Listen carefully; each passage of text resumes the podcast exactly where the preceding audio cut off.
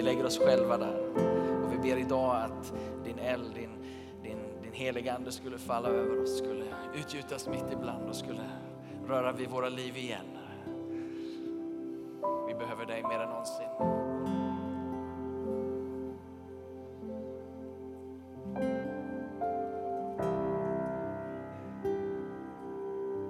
Så välkommen helige Ande att göra det du vill ibland oss idag.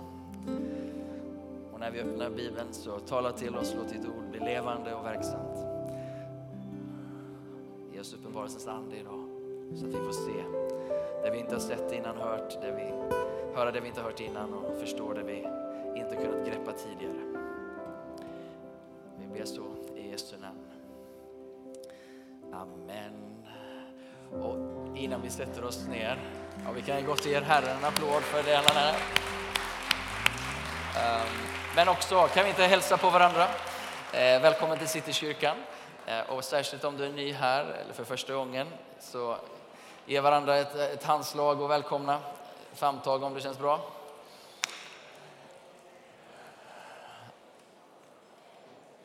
Tack ska ni ha.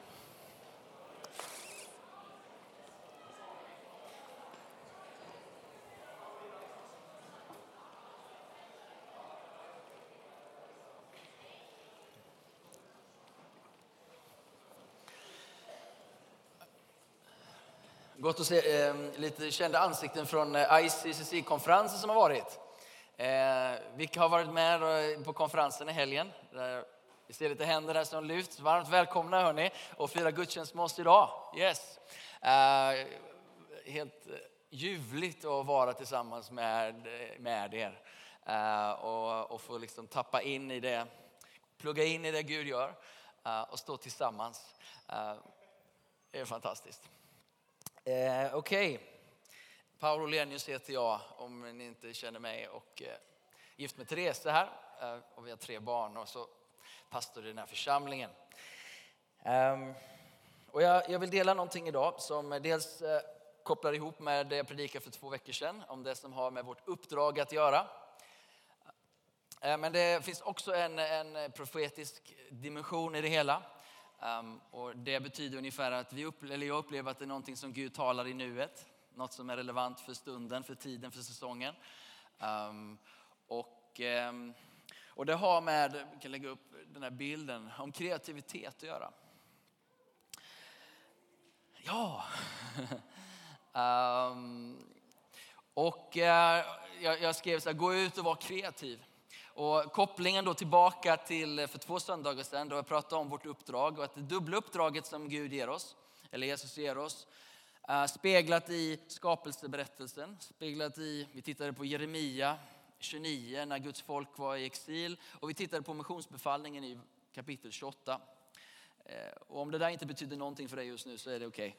Okay. Det var en massa bibelreferenser. Men Ehm, där såg vi att genom hela liksom Bibeln så är det två uppdrag som ligger där eh, för oss att ta emot. Nämligen att bli fler eh, och ta hand om det skapade eller ta hand om vår trädgård. De två uppdragen ligger där eh, och givna till oss genom Jesus. Ehm, och förra gången jag predikade så betonade jag lärjungatränandet, att få vara med och göra lärjungar som gör lärjungar. Eller fostra barn in i tron, att få bli fler så att fler trädgårdar kan tas om hand. Och I vår eh, språkkontext att trädgård betyder ungefär sfär eller område, en plats av Gud given till dig att ta hand om. Ehm, och, och, Guds tanke från början var att hela jorden skulle tas om hand. Eh, så han skapar människorna och sen säger han till dem, bli fler så att fler trädgårdar kan tas om hand. Ehm, och så lägger jag till det här med kreativ. Gå ut ur lärjungar, gå ut och var kreativ. Det tror jag är vårt uppdrag och den biten av att ta hand om vår trädgård ska jag prata om idag och just det här beröra kreativiteten. För förra söndagen så hade vi besök och efter gudstjänsten, det var ju en, ett par tyskar som var här och rörde, rum, rörde runt i grytan lite. Ehm, och när vi gick på Drottninggatan här efteråt så var det Manuel som var med honom som delade någonting med mig och med oss. Så att jag, jag tror jag fick ett ord till församlingen, eller jag tror jag plockar upp någonting som håller på att ske. Alltså, jag vågar inte säga det på plattformen men jag tänkte jag delade så här. Eh, och det handlar just om det här att vi går in i en ny kreativ tid. Att det är någonting av kreativitet som håller på att, att födas fram, att växa fram och bli synliggjord. Ehm, och jag kände att det där slog an i mitt hjärta. Och jag tror att det är någonting Gud gör. Ehm, någonting av kreativitet som håller på att få explodera. Eh, inte för att försvinna utan för att eh, utbreda sig och bli mer. Att Gud har lagt ner så mycket kreativ potential i våra liv. Och tänk om, om Guds ande fick röra vid det. Tänk om Guds ande fick röra vid det i dig och i mig som har med vår trädgård att göra. Och ta oss tillbaka in i vår trädgård och en ny nivå av kreativitet, en ny nivå av innovation, en ny nivå av, av problemlösning, en ny, ny, nya sätt att göra, nya sätt att drömma. Tänk om det är så att Gud utgjuter av sin ande i den sista tiden på ett sådant sätt så att den profetiska rösten inte bara handlar om att tala Guds ord utan handlar om att göra Guds ord, att visualisera Guds rike på ett nytt sätt i den här tiden. Tänk om det är så att i den yttersta tiden så rör han vid sin församling på ett sådant sätt så att de inte bara talar Guds ord utan är Guds ord. Att de inte bara behöver höja rösten för att få sin röst höjd, hörd utan rösten hörs genom det de gör. Att det de gör predikar högre än vad de säger. Eller åtminstone samma sak.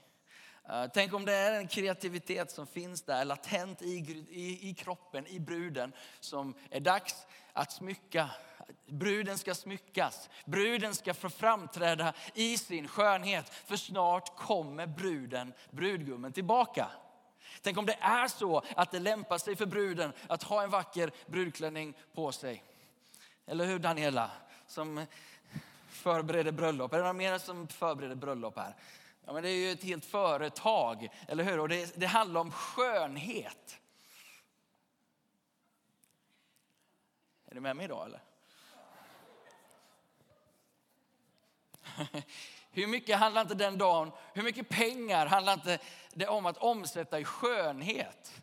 Gift, jag menar, jag har vigselrätt, så vill du bara få det överstökat så kan du komma till mig när som helst. Alltså. Ta med dig ett par vittnen så löser vi det. Förutom att vi kommer ha några äktenskapssamtal innan naturligtvis. Ehm, men, men är du med? Men det är något annat som är, är, är igång. Det handlar om att bruden ska smyckas.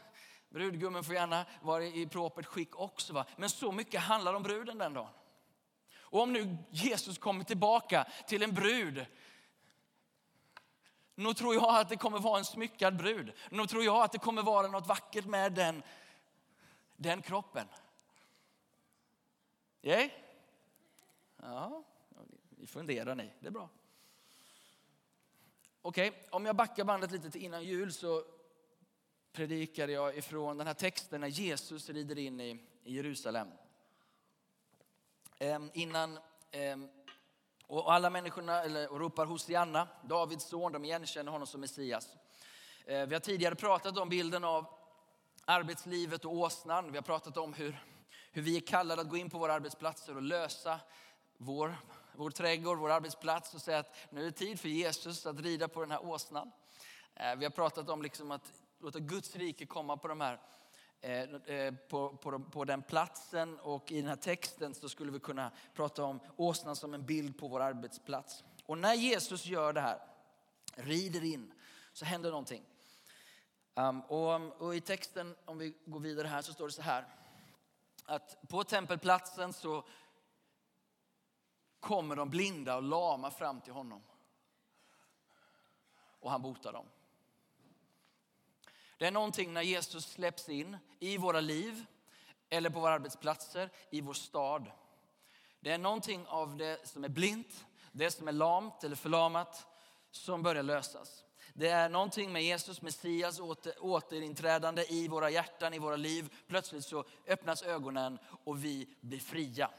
Eh, det ok som har hindrat oss, eller den, det slaveri som tidigare har präglat våra liv, är tänkt att brytas.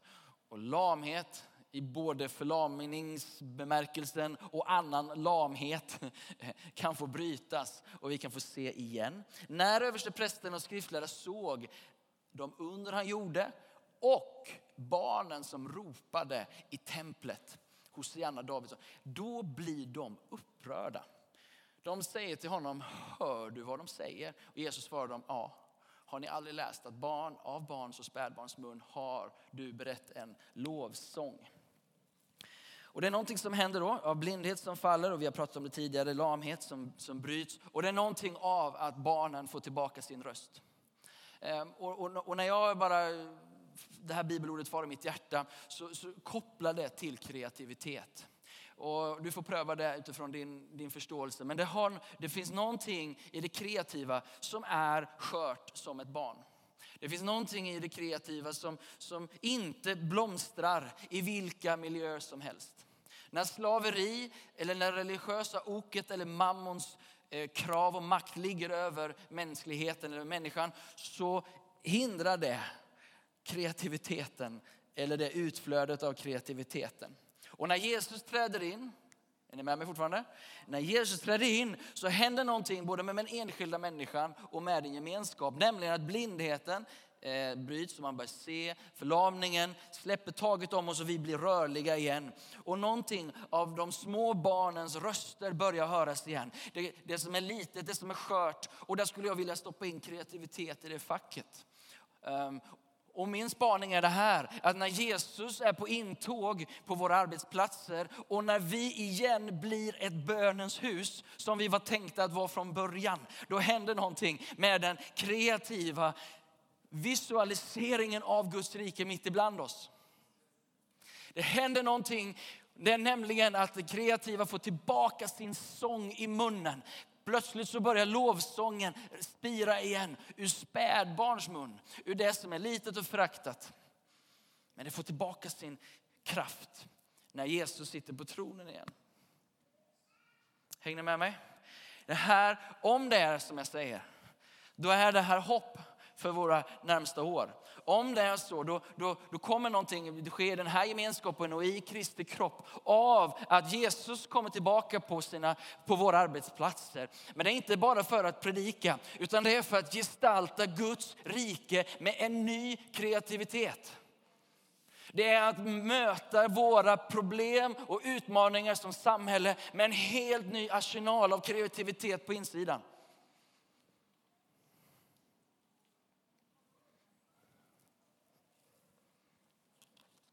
När anden faller på pingstdagen, för att bara ta ett annat spår i det här, så står det att de uppfylldes av den helige ande och började tala främmande språk. Allt eftersom anden ingav dem att tala. Alla uppfylldes av anden och började tala och uttrycka sig på ett nytt sätt. Så som anden ingav dem att tala. Och sen står det efter det att alla hörde sitt språk talas. Kan du slå på kreativitetsspåret i ditt huvud? Tänk om Guds rike börjar få uttrycka sig på alla främmande språk. Att vi inte längre bara är knutna till vårt tal utan vi kan få använda hela spektrat av färger och kreativitet. Tänk om det är så att de de sista dagarna så utgjuter han av sin ande över allt kött på ett sådant sätt att alla söner, alla döttrar börjar profetera. Tänk om det är så att, att, att, att, att barnaskapet till Gud med andens kraft över sig börjar uttrycka sig på ett nytt sätt. Och vi blir ett profetiskt gestaltande folk överallt. Tänk om det är så i de sista dagarna att bruden kommer vara vacker och skilja sig från de andra. Tänk om det är sant som det står i Höga Visan att du är som en lilja i dalen. Du är den där som sticker ut. Det, det, det andra är törner jämfört med bruden. Tänk om det sker ett, ett andligt utgjutande i anden kommer över sitt folk. Om vi låter Jesus rida på vår åsna och om vi igen, om vi igen blir ett bönens hus ett bedjande folk, ett gudstillvänt folk som, som, som, som hela tiden lever. Vad, vad gör du Herre? Vad är vi nu? Och vi tillber och vi väntar och vi ber tills han talar och sen lever vi ut det han säger. Där anden är, där är frihet och där frigörs det profetiska. Ett, ett, var är du då satt att, att tala? Vad har du blivit given? Eh, om du går ta nästa här så vill jag koppla tillbaka till det här med trädgård. Och, och det språket hämtar vi från de första kapitlen i Bibeln. Um, och då står det så här. Herren Gud, han planterade en lustgård i Eden. Och han satte där människan som han hade format. Och Herren Gud lät alla slags träd växa upp ur marken, ljuvliga att se på och goda att äta av. Mitt i lustgården satte han livets träd och trädet med kunskap om gott och ont. För det första är det Gud som planterar en, en lustgård, en trädgård för dig. Han har en avsatt plats för dig. Han är också den som avskiljer dig, sätter dig i den trädgården. Om vi använder det här, det här språket. Han är den som har format dig. Är du med? Så Gud planterar, Gud sätter människan och Gud är den som formar. Han har alltså format dig utifrån den kallelse och den trädgård som du har satt, blivit satt att ta hand om.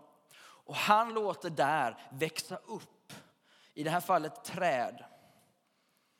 Och det finns då två träd som symboliserar två vägval om hur du och jag ska ta hand om den här trädgården. Om vi ska ta hand om den trädgården utifrån livets träd i relation med Jesus eller med Gud. Eller om vi ska ta hand om vår trädgård baserat på kunskap om gott och ont frånskilt Gud. Och vi kan konstatera att vi många gånger har försökt att ta hand om vår trädgård på vårt eget sätt och misslyckats. misslyckats. Det är det Bibeln kallar synd, nämligen att gå ifrån Guds plan och tanke med gemenskap utifrån arbetet.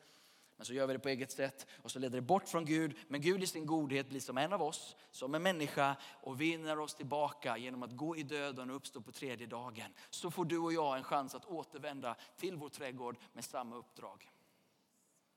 Det är evangelium. Men i den här texten så är det något som sticker ut när det kommer till det kreativa. Och det är att Gud låter träd växa upp som för det första är ljuvliga att se på och för det andra goda att äta av. Och i den hebreiska förståelsen av hur man skriver så är det alltid så att det som skrivs först är det som är först. Och det som är grunden för det andra. Som Gud säger, jag skapar någonting som är först och främst vackert och sen användbart. Så är det med ett syfte. Och den här tanken triggar mig nu så alldeles. För att tänk om det är så att du först och främst är skapad vacker. Att du är någonting bara genom stå. Och att du sen har också något att göra du blir användbar i Guds rike. Det blir ätbart. Det blir någon... Tänk om det inte är så att du måste först vara användbar för att bli vacker. Utan först är du vacker och sen så kan han också använda dig. Tänk om det är så.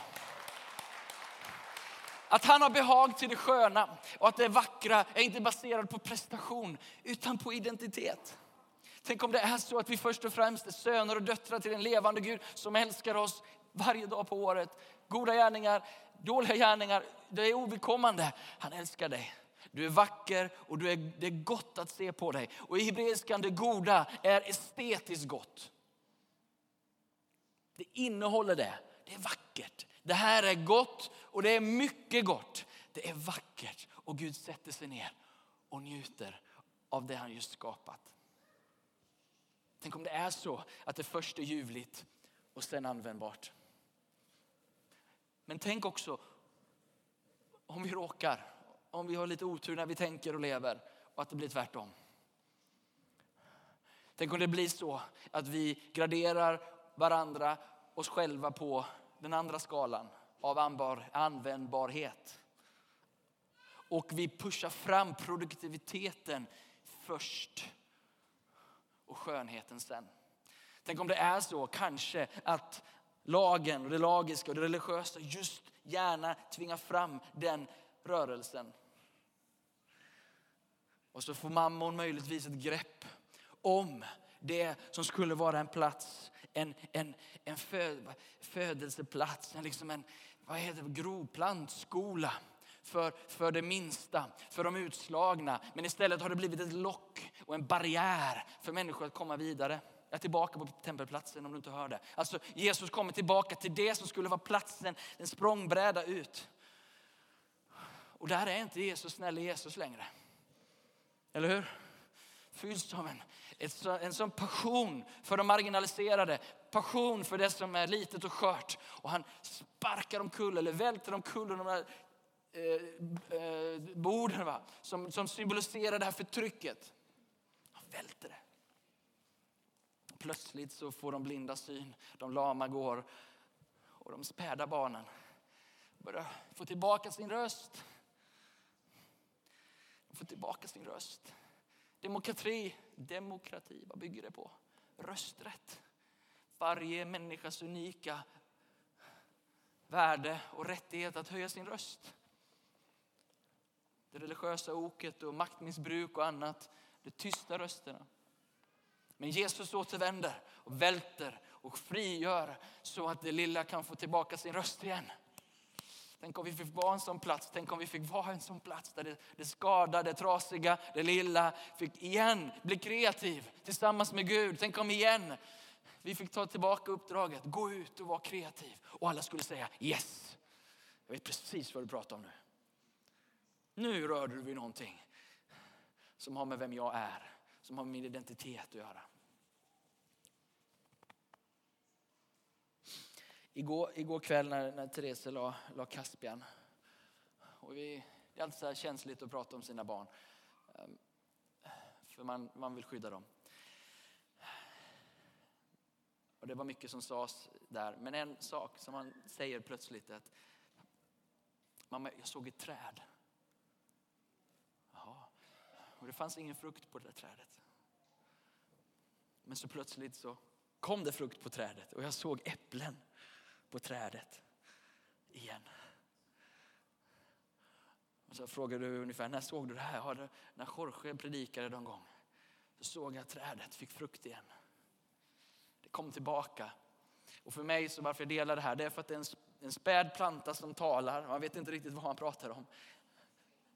Men jag tror att han profeterar. Jag tror att han, han ligger någonstans i, du vet, som ett barn är. Liksom. Det, det, går in och det går ut i, i, i liksom vad de sätter för ord på olika saker. Men jag blir så uppmuntrad av att barnen igen talar Guds uppenbarelse. Och i den uppenbarelsen så, så talar han om ett träd som har varit fruktlöst. Men som blir fruktbärande igen. Det var ett vackert träd men det var fruktlöst och så får det bli ett träd som är både vackert och fruktbärande. Amen.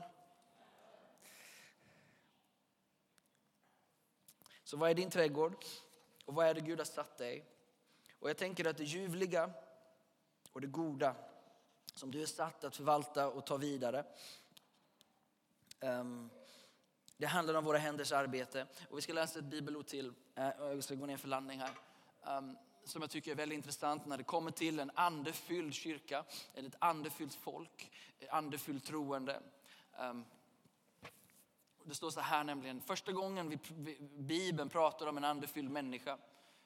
Mose var alla gånger fylld med Guds ande, men det står just explicit här att Herren säger till Mose, jag har kallat eh, Basalel, son till Uri, son till Hur av Juda stam. Jag har fyllt honom med Guds ande med vishet och förstånd, med kunskap och med skicklighet i all slags, allt slags hantverk. Så att han kan tänka ut konstfulla arbeten och utföra dem i guld, silver och koppar, slipa stenar för infattning och snida i trä och utföra alla slags arbeten.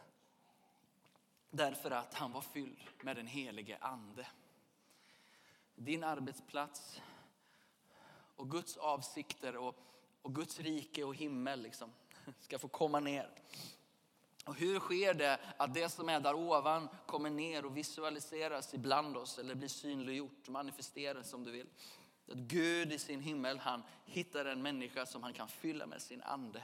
Så att den kreativitet som finns nedlagd blir smord på ett sånt sätt så att vi kan utföra allt slags arbete. På ett sånt sätt att det gestaltar hans härlighet på ett sånt sätt så att du inte ens behöver skriva Johannes 3 och 16 på det du gör. Är du med mig? Det är fantastiskt med många olika kristna märken och sådär. Men tänk om det vi, om vi nu pratar hantverk, tänk om hantverket hade något av Guds närvaro och skönhet på sig så att du inte behövde skriva Johannes 3 och 16 eller rita en fisk på. Bara för att liksom hjälpa folk att ni fattar väl att det här, och det, det, ja, ni fattar att det är inget dåligt. Men tänk om vi överallt bär märket av hans härlighet. Tänk om, det, det behöver inte sägas, för det är uppenbart. Tänk om Guds ande kommer över sin församling i den sista tiden på ett sånt sätt att hans kropp gestaltar Guds härlighet så påtagligt att skönheten framträder och Guds närvaro sipprar igenom. Tänk om din morgondag, måndag till fredag, eller om du jobbar andra konstiga tider, att det arbete du gör där har med ljuvlighet att göra och gott att äta. Att vad du sitter och förvaltar, om det är miljarder eller om det är kronor, vad du än är, om du är hemmamamma, hemmapappa, om du studerar, någonstans har Gud satt dig. För att transformera ner riket i någonting som är vackert och någonting som andas Guds närvaro. För i slutändan så är det det som är Guds härlighet. Hans närvaro och hans godhet, skönhet om du vill, hans helighet ibland oss. Mer av Guds ande, säger jag, över vår församling, över sin församling i den här tiden. Mer Gud. Det måste finnas mer. Jag vet inte hur många gånger vi upprepar det mantrat. Mer Gud, mer Gud, mer Gud. Varför? Jo, därför att vi måste få se mer. This cannot be it. Och vi pratar inte om ett härlighetsmål här inne. Vi tror att det ska tillta, men det handlar om förverkligande där ute. Det handlar om att där du och jag är imorgon, det vi gör med våra händer imorgon, hur vi hantverkar guldet imorgon. Det är det vi lever för, det, det, det är därför vi är här. Uppdraget är att göra fler lärjungar som gör lärjungar och för det andra att ta hand om din trädgård. Och gestalta Guds skönhet. Och för att det här ska ske så behöver vi tillsammans skydda den här miljön. Att det här den här tempelplatsen får vara en plats av bön, av Guds tillvändhet. Präglat av en profetisk skärpa och där Gud får tala. Vi behöver se till att mammon inte styr, vi behöver se till att det religiösa oket inte trycker ner. Utan så fort vi har liv någonstans så är vi med och välsignar det och hedra det Gud gör i sin ringa begynnelse. De kreativa uttrycken, vare sig det är här eller eller ute. Tänk om vi får vara med och bara välsigna det Gud gör och skydda det. Det finns något annat i det här eh, lovsången, ni får gärna komma upp. Och det har med de kommande generationerna att göra. Det har med nästa generation, barnen, tonåringarna, ungdomar, unga vuxna. Och att vi, jag och vi, ni som är äldre än mig, att vi inte blir ett tak utan ett golv. Att du och jag, som jag, jag är på väg in i 40 åren nu, jag är inte ungdom längre. Fortfarande 39. Jag lever på sluttampen här. Men jag tänker så här, jag vet inte riktigt. Men det kanske inte är så att jag kommer ha, vad ska jag vill inte tala ner mig själv, men, men det, det kanske inte är, jag kommer kanske inte fatta vad den unga generationen kommer göra. Alltså, det finns en kreativitet nedlagd i det som ska komma som, som är helt bortanför det som är min ram. Om vi bara försöker hålla oss lite, jag vet inte om det är ödmjukhet eller vad det är, men liksom bara okej, okay, det kanske inte är så, jag kanske inte fattar. Men vad kan vi göra? Vi kan se till att, att det finns utrymme, tänker jag. Det kan jag göra. Jag kan ge en ung människa utrymme. Jag kanske inte kan kläcka idén. Jag kanske inte kan få tag på den kreativiteten som Gud ger till den generationen. Men jag kan se till och jag kan göra vad jag kan för att vara en beskyddare. Eller åtminstone inte en begränsare. Nej, men jag behöver lite hjälp här. Ja, jag, jag efterfrågar inte applåder egentligen, utan bara... För vi, det, det här nästa generation. Alltså vi, vi har ju tagit kyrkan dit vi är idag, men ska det bli mer så måste den, den nya generationen haka på. Vi måste ge utrymme för det. Och det kommer att bli lite skav på vår insida. För vi tänker, ah, var det verkligen så här? Men, men att inte vi tänker att, att allt det vi, vi förstår, allt det vi har varit med om är liksom ramen för det Gud ska göra. Hänger ni med? Att, att de som är 10, de som är 30 år nu, de som är 20 år, vi måste hela tiden se till att det finns utrymme för Timoteus att resa sig. Vi måste hela tiden se till att det finns den här nya generationen. För det är de unga sönerna och döttrarna någonstans. Det finns någonting nedlagt där. Säg inte att vi ska kapa oss äldre.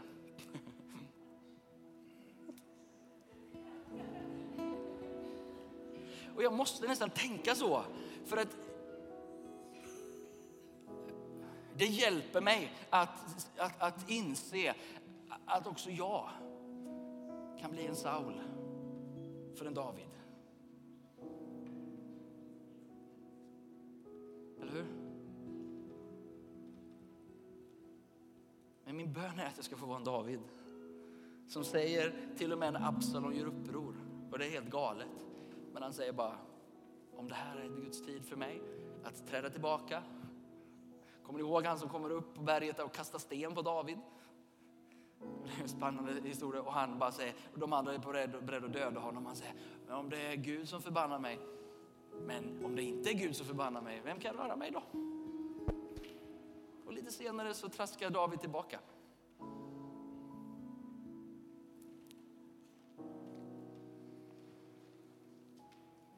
Vi är alla konstnärer tillsammans med Gud i den här tiden.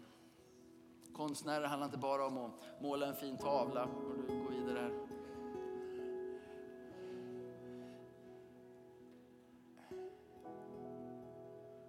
Jag förstår inte sån konst, men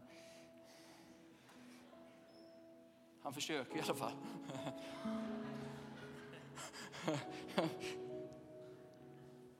Vi har alla liksom första steget att ta.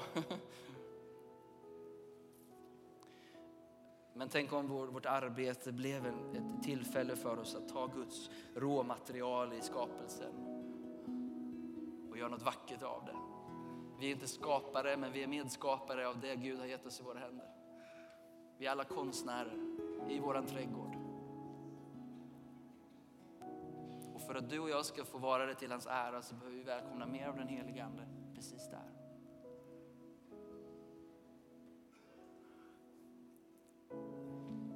Liten stund ska du också få, har vi lite kunskapens ord och så här, men jag skulle vilja göra en inbjudan där vi bara befinner oss precis i det här moment. Att om du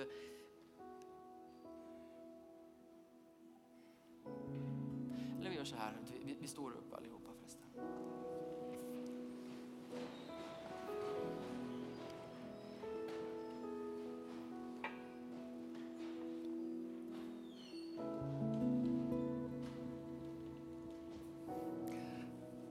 Så om det känns naturligt för dig och vi välkomnar Gud nu så kan du få lyfta dina händer framför dig så här.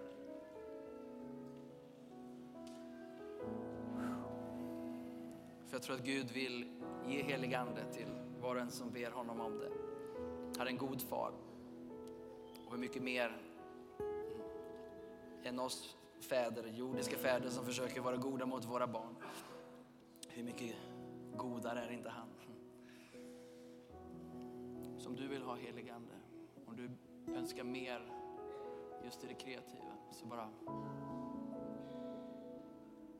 välkomna honom just nu. Så kom helig ande. Kom helig ande. Vi väntar på dig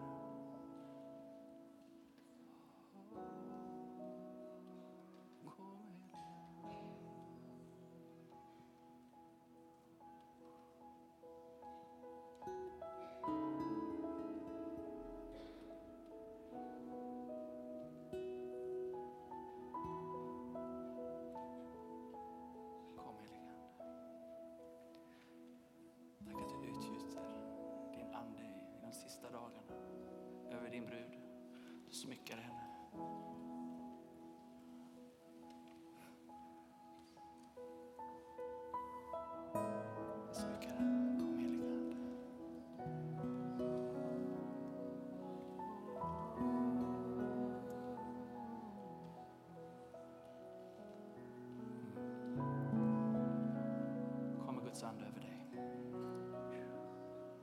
Han över dig just nu.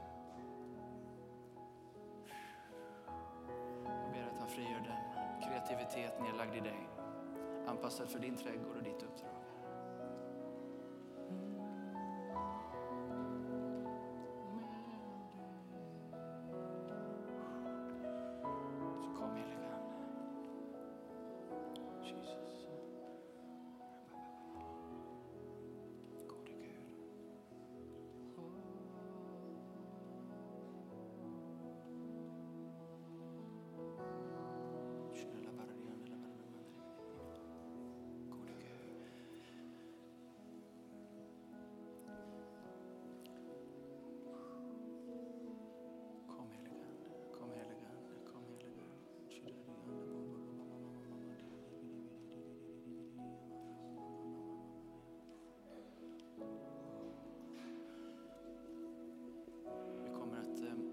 Förbönsplatsen här alldeles strax. Och om du märker att Gud börjar röra vid dig, eller längtan finns där, låt oss få välsigna det Gud gör här. På min högra och vänstra sida kommer förbönsplatsen vara öppen. Ehm, jag skulle också vilja bjuda in dig som har upplevt ett tydligt lock, ett ok, en, en, en väldigt liksom tyngd, precis som uh, ja, innan Jesus rider in i templet. Kanske har påverkat din förlamning eller blivit som en förlamning kring din kreativitet. Det är så svårt att se. Det du såg innan som barn, det du såg innan när du var fri, det ser du inte längre. Det är som att, har jag tappat det? Att Gud vill förnya dig idag. Din inre blick, den profetiska skärpan. Um, och så vill jag också bjuda in dig som har tagit kreativa initiativ. Du har liksom tänkt att ah, men nu gör jag det här. Och sen så har det blivit precis som det blev i templet bara. Nej, men ser ni inte vad som händer? Liksom där, de här negativa orden som bara berövat någonting. Jag tror att Gud vill bara återställa det idag.